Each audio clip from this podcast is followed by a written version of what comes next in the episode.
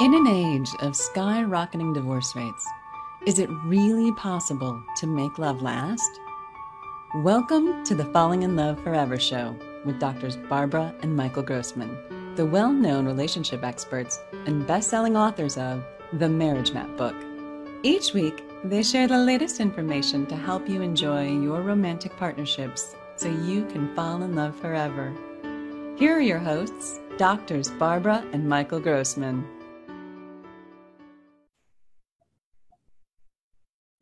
Welcome. I'm Dr. Michael Grossman. It's my wife, Dr. Barbara Grossman. Hi. We're here to talk to you about relationship and enjoying that romantic quality of life and making it work where your life unfolds. So we are authors of The Marriage Map, which is a book that we wrote on how to fall in love forever it's a delightful perspective to have to create your life being delightful. But it takes a lot of work, a lot of skills, and a lot of growth. So while it is delightful and wonderful, it's not effortless. And uh, my background, for those who don't know, I'm a medical doctor, anti aging specialist. And Dr. Barbara is? I'm an uh, individual marriage and family therapist. And Dr. Barbara is an expert in creating people enjoying their romantic partnership.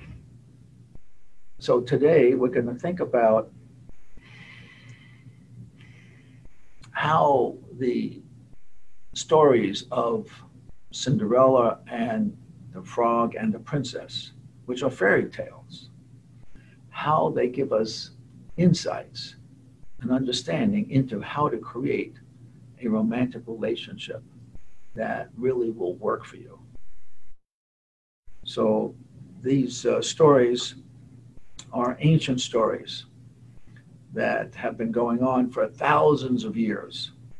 And you have various writers who bring them out into the public in a modified form. So Walt Disney has created both of these stories in in various uh, movies, and you get to see a, a point of view about these stories. But it's changed. These stories are not the original stories. Now, most of you will know the original story. Uh, uh I mean, the the upgraded story from from Walt Disney but we want to tell you the actual original story from the Grimm's fairy tale. So we want to actually say that Disney has fractured the stories. The original stories contain wisdom, tells us about how adults develop over time, important wisdom that gives us a roadmap and allows us to know that um, with time we change and how the change is good and it brings us fulfillment. Walt Disney doesn't tell us that. And these Grimm's fairy tales are so old. Back then, they didn't have movies, and they no one really had books either. That you had handwritten scripts of of uh, scrolls and things, but you didn't really have books. So these were their entertainment. This is how people shared uh, their their stories. This was this these were really profound stories that are a part of our our, our ancient traditions in our Western culture. So let's look at these stories and let's think about them. So, uh, Bob, you want to talk about the first story, The Frog and the Princess? So, the princess is a little girl who's playing with a ball. She's outside and, she, and her ball goes, falls down a well. And a frog comes by and uh, asks her if she, if she wants his help in exchange for being able to uh, live in the castle where she's from. Now, she's, of course, the, the princess is crying when she lost the ball. It's her favorite toy, and she's so upset. And the frog is there and saying, "Oh, my princess, can I help you?" And she says, "I just want the I just want the ball." So the princess is willing to promise anything. She just wants her ball. She's not. She's actually um, not uh, thinking about you know uh, anything else but getting her ball back. And sure enough, the frog retrieves her ball, and she's really happy. And she runs off to the castle uh, and the king where she lives. And then in a short while, the frog knocks on the door. He's ready to collect his um, his reward. And he um, and she closes the door on him, and she pretends he's not there. He pretends uh, she pretends he's um, he's insignificant. The king asks her who's at the door, and um, she explains that this frog found her her uh, rescued her ball, and she promised to um, reward him with living in the castle. The father, uh, the king, who's her father, tells her, you know, you you need to tell the truth. It's important to tell the truth, which is a, a virtue, an important virtue in, in growing your life. And so reluctantly, she lets the frog in, and he um, uh, enjoys the house. And in a short period of time, she asks to play with her, and eventually she asks. He asks to play with her. Oh, he asks to play with her, and in time, he asks to sleep in her bed. And she um, she reacts to this um, covert kind of sexual um, uh, reference or uh, innuendo by um, t- picking him up and throwing him against the wall. Um, and in throwing him against the wall, he hits the wall, and sure enough, he becomes the handsome prince that he was before he was turned into a frog. So this was a magical occurrence, which occur, which which happened because the princess threw him against the wall. She didn't kiss him; she threw him against the wall. That's a very different story. The Disney story, she kisses the frog, and then he turns into the prince. So with Grimm, there's no kissing any frog. Um, she stands up for herself, and she um, uh, she ejects him from her space, and um, it's a way of it's a way of um, it's a it's a message that says you know women can stand up for themselves and they can ask for the behavior that they want and in actually asking for the behavior they want uh, the frog uh, improves himself. He becomes a real live human being. It, it grows the it grows the masculine presence and she grows and they um, eventually get married because they've um, you know she's um, she's evolved in her personality and he's grown as well. So we see a, a, a, different story from the Disney story.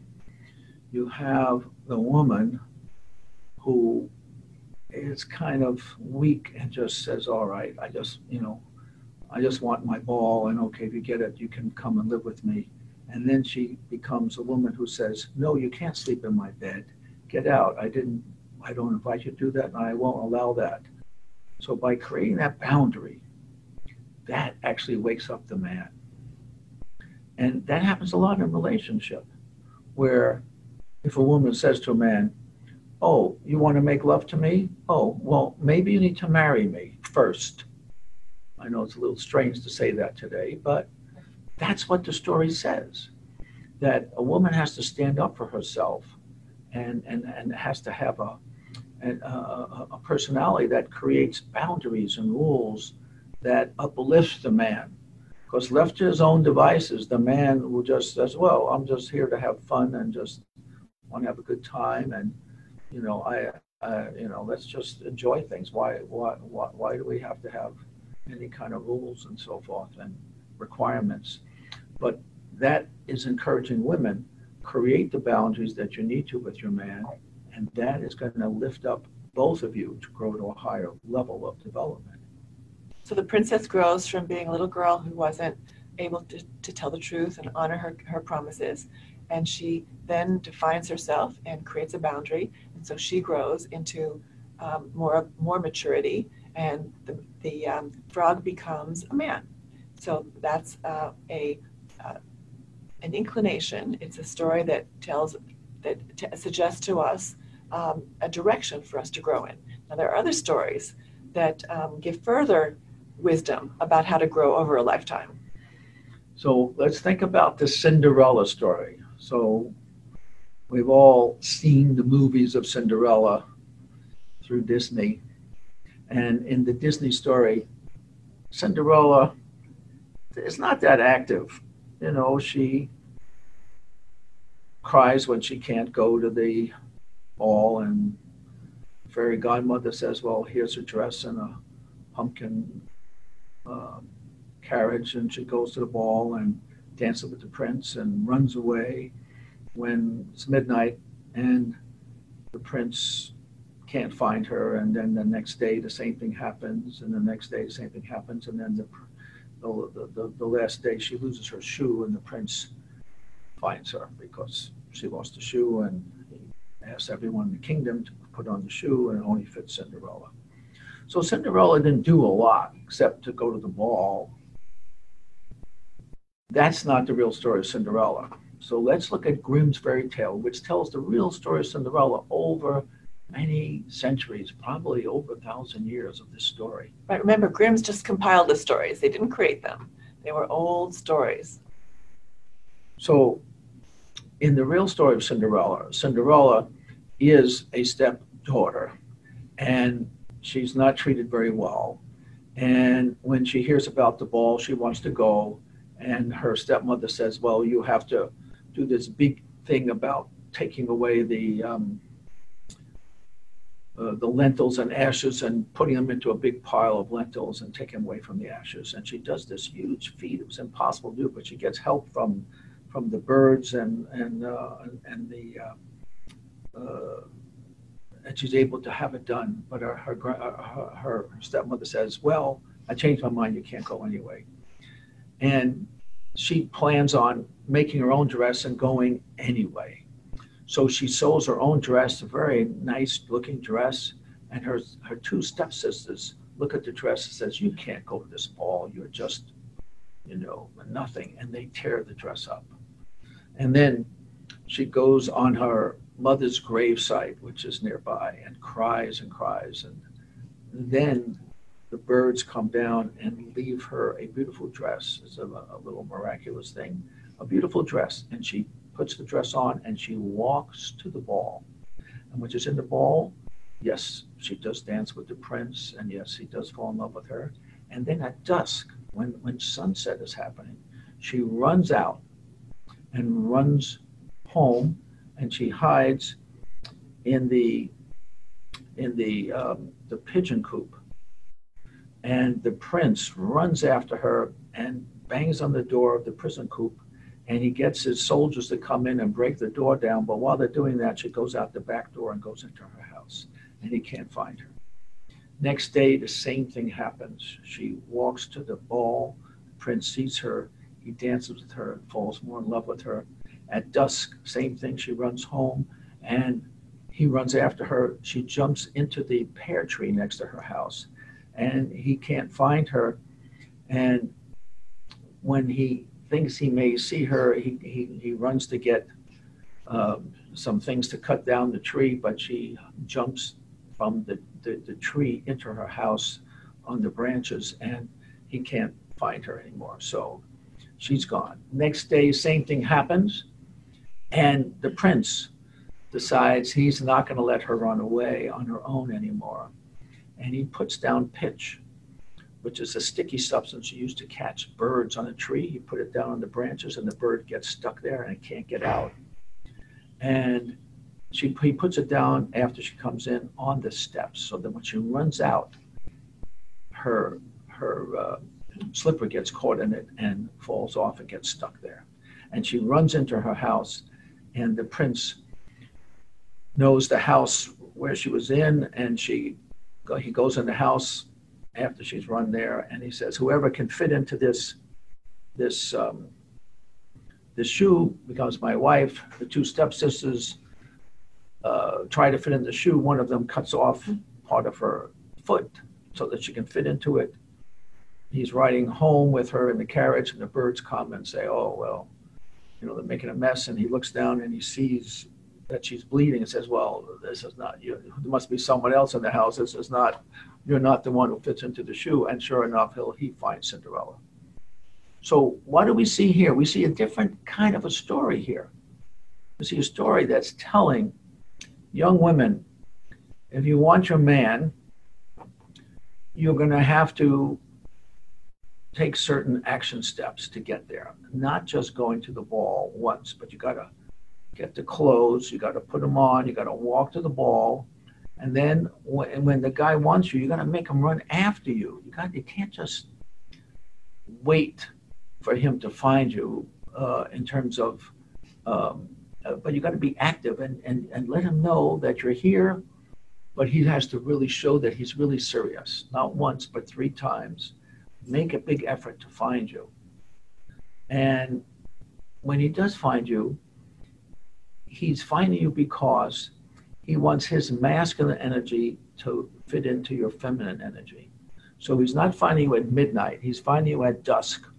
So when the sun goes down, the, the, the, masculine energy goes away at dusk and the moon comes out, the feminine energy comes out. So he is moving into your feminine part. And, and he's willing, he's showing you he's willing to do that. And the bird uh, uh, uh, metaphor is, is the soul. The woman has this quality of being in this soul effect, of being a free soul. And the man recognizes that a woman is different than him and is willing to play with this quality of the soul. She recognizes that, that the woman has this quality of being close to the birds, you know, and, and you see all the symbolism there. So the masculine and feminine energy are different, and they have to be willing to come together and willing to accept each other as being different. Yeah, there's, there's one part that I like especially where there's, first of all, there's no fairy godmother in this story, if you notice. The um, uh, Cinderella prays at the, uh, at the place where her mother is buried. She connects with spirit. She is uh, empowered by the essence of her being. She finds her strength in herself, and she um, she moves out of that place to create her future and and uh, meet her man. And she has respect for herself and allows the man to to um, appreciate her, recognize who she is for him, and pursue her. And that's so important for a modern relationship that you want to let the man pursue the woman. You want to enjoy that. You, you both have this quality of falling in love with each other, but there's this playfulness and this pursuit that is just a delight, and you don't want to cut it off, and you don't want to make it too easy for the man. You want to have him pursuing you. And women make a mistake all the time where they say, oh, I'm in love with him. Let's have sex right away. And that'll bond us. Well, it bonds the woman, but not necessarily the man. And it's a problem in modern life that that uh, you, you, you have a, a young woman who'll be married, not be married, who'll be in a relationship for five plus years. And, and there's nothing there. Why would the man want to be married? He already has what he needs. But marriage is like, uh, like a waste. Why, why, why, why ruin a good thing? Well, that's what this story is telling you. There's a little bit of a give and take that has to be gone between the masculine and feminine. You don't want the feminine to surrender everything to the masculine. You have to have this quality that goes on. So that's how falling in love happens. And um, we're happy to support your experience of falling in love and staying in love forever. So to stay in love, there's a whole other process involved with that. And we're going to tell you in the next weeks about a different story that uh, is the story of Psyche and and um, um, Eros. and Eros, so Psyche and Cupid. And we're going to tell you that story. That that's a little different story that says, well, what happens after you fall in love? In in uh, it's the journey to stay in love forever and yeah, what it takes. Yeah. yeah, yeah. Well, we love to support you in your own relationships in all different ways. And uh, we'd love to have you um, take our classes. We have a series of four classes that are uh, done online or in person where we teach you skills to fall in love forever. And to take those classes, you should go to fallinginloveforever.com. You can also go to our website, themarriagemap.com and we look forward to you getting that information and doing more and more things that will help you to stay in love forever and to enjoy the process of growing and developing individually and in your relationship. So thanks so much, and we look forward to speaking to you again next week. Wishing you love. Thank you for watching the Falling in Love Forever show with doctors Barbara and Michael Grossman. Join us next week for another informative discussion to help you keep your love alive. Be sure to visit us at themarriagemap.com. or find out about our relationship classes at fallinginloveforever.com.